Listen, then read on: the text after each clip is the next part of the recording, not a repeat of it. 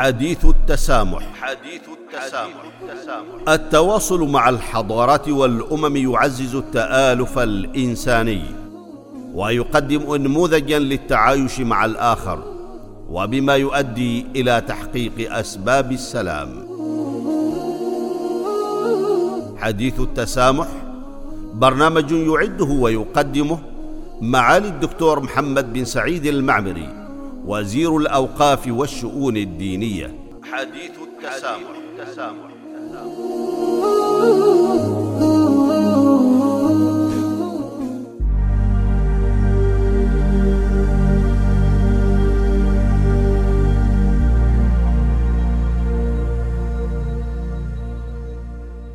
بسم الله الرحمن الرحيم.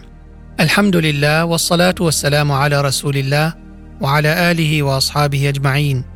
ومن تبعهم بإحسان إلى يوم الدين. المستمعون والمستمعات الكرام السلام عليكم ورحمة الله تعالى وبركاته. ومرحبا بكم في هذه الحلقة الجديدة من حلقات برنامجكم حديث التسامح والتي سنتناول فيها التربية الدينية وصناعة الأجيال. فاهلا ومرحبا بكم جميعا.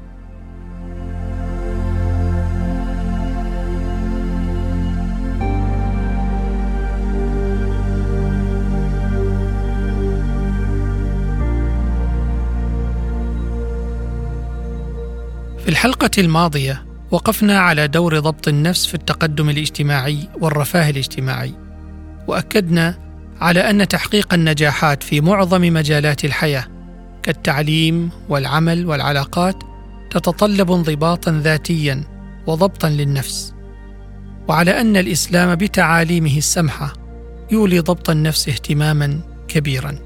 نلقي الضوء اليوم في هذه الحلقة على التربية الدينية. فللتربية الدينية دور مهم في التنشئة الصالحة وإنشاء أجيال يتحلون بالقيم السامية والأخلاق الفاضلة وبقيم المواطنة الصالحة. فالدين يعزز السلوك الإيجابي الحسن ويغرس في النفس بتعاليمه شعورا حقيقيا بالانتماء إلى المجتمع والوطن. ولا يخفى على أحد تلك التأثيرات السلوكية السلبية التي يعاني منها الكثير من المجتمعات نتيجة تغييب الدين أو تهميش قيمه ليعيش الفرد في مجتمعه ضياعا روحيا ويشهد انتشار العلل النفسية.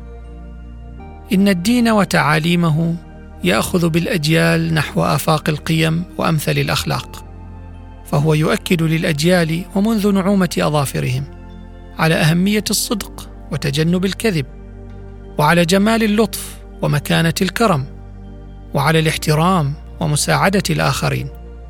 وفقط من خلال القيم تتبلور لدى الأجيال منظومة أخلاقية قوية توجههم نحو اتخاذ قرارات مسؤولة تراعي حقوقهم وحقوق غيرهم والوطن. ويدعو الدين إلى الارتباط بالمجتمع ويعزز الانتماء من خلال التشجيع على العطاء والبذل والتطوع والأعمال الخيرية.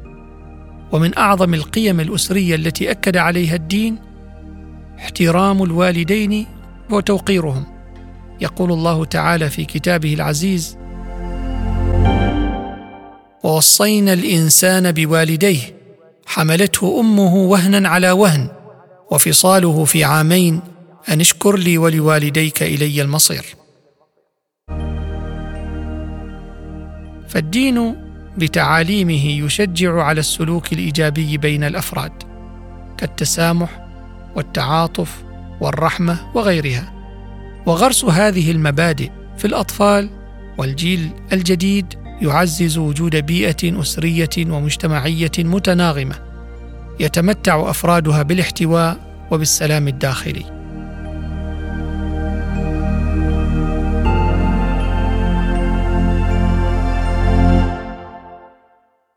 كلكم راع وكلكم مسؤول عن رعيته.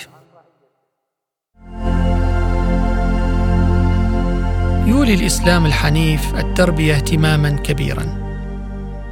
وكما جاء في هذا الحديث عن النبي صلى الله عليه وسلم فإن للوالدين دورا مهما في تنشئة الأطفال ومشاركتهم رحلة التربية والتكوين القيمي والأخلاقي. وأكدت أبحاث ودراسات عدة على دور الوالدين والدين في التنشئة الإيجابية وبأن التربية الدينية كانت مرتبطة باستقرار أسري أكبر ومستويات أعلى من مشاركة الوالدين في حياة الأطفال وانخفاض مستويات تعاطي المخدرات والسلوك غير الأخلاقي بين الأطفال.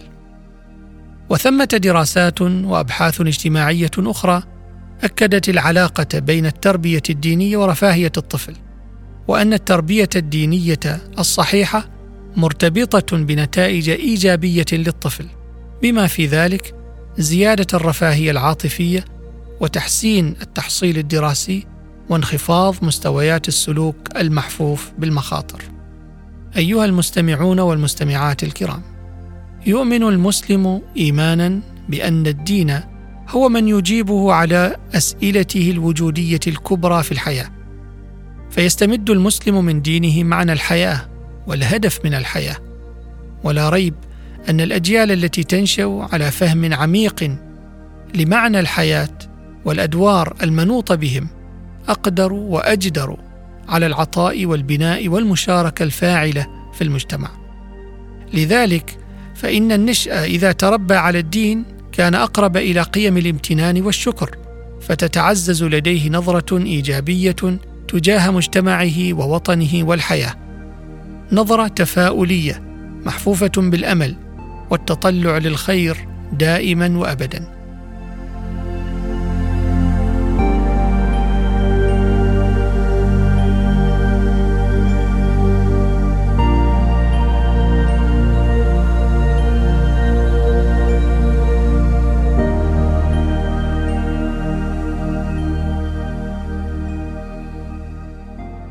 في دراسة حول الشباب والمراهقة والعلاقة بين التدين والروحانية والاكتئاب خلصت هذه الدراسة إلى أن المستويات الأعلى من التدين ارتبطت بمستويات أعلى من احترام الذات وانخفاض مستويات الاكتئاب والقلق بين المراهقين. كيف لا؟ والدين يوفر إطارا قيميا وأخلاقيا ومبادئ متزنة للعيش وخوض مسارات الحياة المختلفة. من خلال تنمية حس الصواب والخطأ لدى الأفراد ودفعهم نحو اتخاذ قرارات مسؤولة وأخلاقية. ومن القيم التي يتربى عليها النشء في الإسلام قيمة الأمانة التي يؤكد الإسلام على أهمية التحلي بالمسؤولية بها. ويشجع المسلم على الاهتمام بذاته وبالآخرين وبالعالم من حوله. فيولي الأمانة شأنا عظيما وهي قيمة تربي صاحبها على تحمل المسؤولية وعدم الخيانة والأمانة يتعدى نفعها الفرد ليصل إلى المجتمع والوطن بأسره. فلا مواطنة صالحة من دون أمانة. ومشاركة الأفراد في المجتمع وبناء الوطن تتطلب قدرا عاليا من التحلي بالمسؤولية تجاه الآخرين والشعور بقيمة الوطن. وفي الإسلام فإن الأمانة والثقة قيمتان أساسيتان لبناء شخصية المسلم وتنظيم علاقاته بالآخرين. ولطالما كانت المناسبات الدينية في مجتمعاتنا مساحة مثرية لأبنائنا يتعلمون منها أهمية العائلة وفضل التآزر والتلاحم ويبنون في كل لقاء مع ذويهم جزءا من شخصياتهم. فيتعزز لديهم شعور بالاحتواء والأمان والانتماء. إن تعاليم الدين تجمل للإنسان خلقه وتجعل له قيمة في أهله وبين أفراد مجتمعه. ذلك أن باهتمامه بنفسه وبالتزامه تجاه الآخرين ومراعاة حقوقهم يصبح فردا مسؤولا وعضوا فاعلا في المجتمع يسهم بعد ذلك في البناء والتطوير والتنمية. فهو جزء من الحل وجزء من النسيج الاجتماعي المترابط.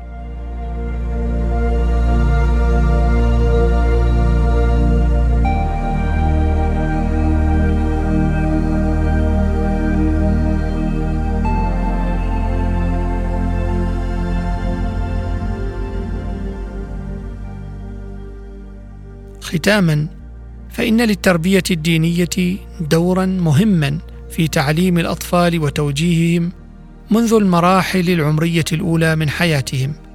فتعليم الدين هي بوصلة الصواب والخطأ وهي من تنمي في المسلم الشعور بالهدف والمعنى في الحياة. ويعزز الدين التعاطف واللطف والتسامح والقيم الفاضلة الأخرى التي تهيئ للأطفال أسباب النجاح فكريا ومعنويا ليصبحوا افرادا منتجين ومسؤولين في المجتمع ومهتمين بالوطن يراعون مصالحه ومنجزاته. باتت التربية اليوم ذا أهمية أكثر من أي وقت مضى. فهذا الاضطراب القيمي في العالم يشكل تحديا حقيقيا للمربين ويجب أن يغرس في الأجيال ما يعنيهم على تخطي عقبات وتحديات الحياة. ولا يمكن أن يتحقق ذلك إلا بالتوازن الفعلي بين الروح والجسد. هذا التوازن لا يمكن تحقيقه من دون تربية دينية تنشأ عليها الأجيال ليكون الدين واقيا لهم من الأفكار الهدامة. نقف عند هذا الحد وإلى الملتقى في حلقة مقبلة بإذن الله. حتى ذلك الحين نستودعكم الله الذي لا تضيع ودائعه. والسلام عليكم ورحمة الله تعالى وبركاته.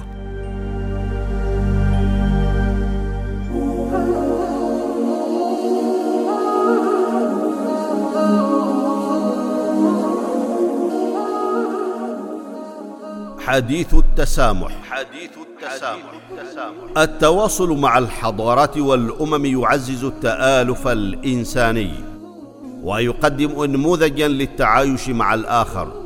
وبما يؤدي إلى تحقيق أسباب السلام حديث التسامح برنامج يعده ويقدمه معالي الدكتور محمد بن سعيد المعمري وزير الأوقاف والشؤون الدينية حديث التسامح, التسامح. التسامح.